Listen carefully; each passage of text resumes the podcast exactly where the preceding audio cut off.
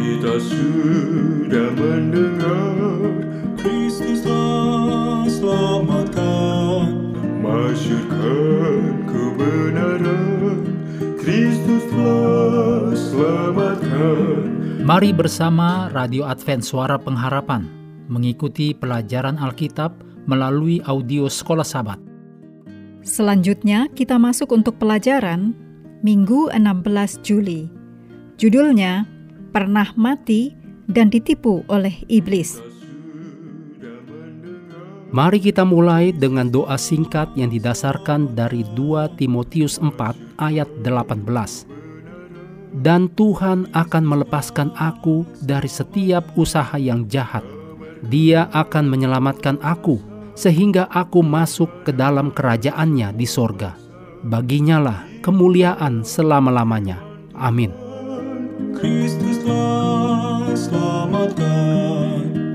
Dalam Efesus 2 ayat 1 sampai 10 tentang semuanya adalah kasih karunia. Paulus menyampaikan tentang apa yang telah Yesus lakukan bagi kita. Paulus telah menjelaskan keselamatan yang diberikan kepada orang Kristen. Itu dicatat dalam Efesus 1 ayat 3 sampai 14, juga ayat 15 sampai 23. Dan secara singkat menceritakan kisah umat percaya di Efesus. Dalam Efesus 1 ayat 13. Dalam Efesus 2 ayat 1 sampai 10, Paulus sekarang menceritakan kisah pertobatan umat percaya secara lebih rinci, dengan fokus yang lebih pribadi. Paulus membandingkan keberadaan mereka yang berdosa di masa lalu, demikian dicatat dalam Efesus 2 ayat 1-3, dengan berkat keselamatan Allah, yang ia gambarkan sebagai keikutsertaan dalam kebangkitan, kenaikan, dan Kristus yang ditinggikan. Demikian ditulis dalam Efesus 2 ayat 4-7. Dan Paulus memuliakan dasar keselamatan itu dalam kasih karunia dan karya kreatif Allah dalam Efesus 2 ayat 8 sampai 10. Ketiga bagian dari pasal ini diringkas dengan rapi dalam ungkapan dari Efesus 2 ayat 5, yaitu yang pertama, kita telah mati oleh kesalahan-kesalahan kita. Yang kedua, Allah menghidupkan kita bersama-sama dengan Kristus. Yang ketiga, oleh kasih karunia kamu diselamatkan. Dalam Efesus 2 ayat 1 dan 2, Paulus menggarisbawahi kenyataan menyedihkan dari keberadaan pembacanya sebelum pertobatan dengan mencatat bahwa mereka telah mati secara rohani, melakukan pelanggaran dan dosa sebagai pola hidup mereka yang biasa. Dicatat dalam Efesus 2 ayat 1 dan didominasi oleh iblis.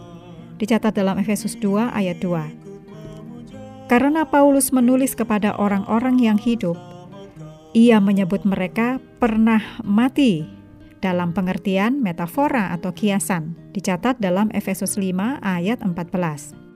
Namun, penderitaan mereka sangat nyata dan mengerikan karena mereka pernah terpisah dari Allah sebagai sumber kehidupan dicatat dalam Kolose 2 ayat 13, Roma 5 ayat 17, Roma 6 ayat 23. Merefleksikan kehidupan masa lalu para pembacanya, Paulus memperkenalkan dua kekuatan eksternal yang mendominasi mereka. Yang pertama adalah jalan dunia ini, dicatat dalam Efesus 2 ayat 2. Kebiasaan dan perilaku dalam masyarakat luas Efesus yang salah membentuk kehidupan manusia menjadi pemberontakan melawan Tuhan. Kekuatan eksternal kedua yaitu iblis yang digambarkan sebelumnya mendominasi keberadaan umat percaya.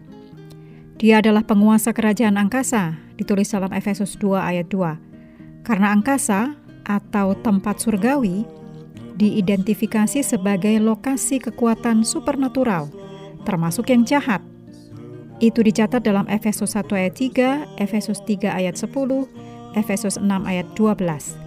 Juga, dia aktif di bumi karena dia adalah roh yang sekarang bekerja di antara orang-orang durhaka, seperti yang dicatat dalam Efesus 2 ayat 2.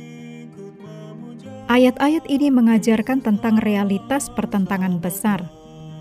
Pada saat yang sama, kita dapat memperoleh penghiburan dan pengharapan dalam pengetahuan bahwa Yesus telah menang dan bahwa sekarang kita dapat turut serta dalam kemenangan Yesus. Mengakhiri pelajaran hari ini, mari kembali ke ayat hafalan Efesus 2 ayat 4 dan 5. Tetapi Allah yang kaya dengan rahmat oleh karena kasihnya yang besar, yang dilimpahkannya kepada kita, telah menghidupkan kita bersama-sama dengan Kristus, sekalipun kita telah mati oleh kesalahan-kesalahan kita. Oleh kasih karunia, kamu diselamatkan. Kami terus mendorong Anda mengambil waktu bersekutu dengan Tuhan setiap hari, bersama seluruh keluarga, melalui renungan harian, pelajaran Alkitab sekolah sabat, juga bacaan Alkitab sedunia.